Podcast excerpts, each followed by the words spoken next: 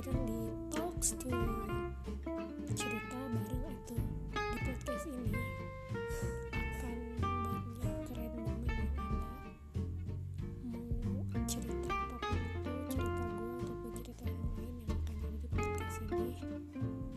Pokoknya podcast gue nggak seperti podcast orang lain ya kadang karena suara gue yang berbeda dan memang cerita gue yang berbeda konsep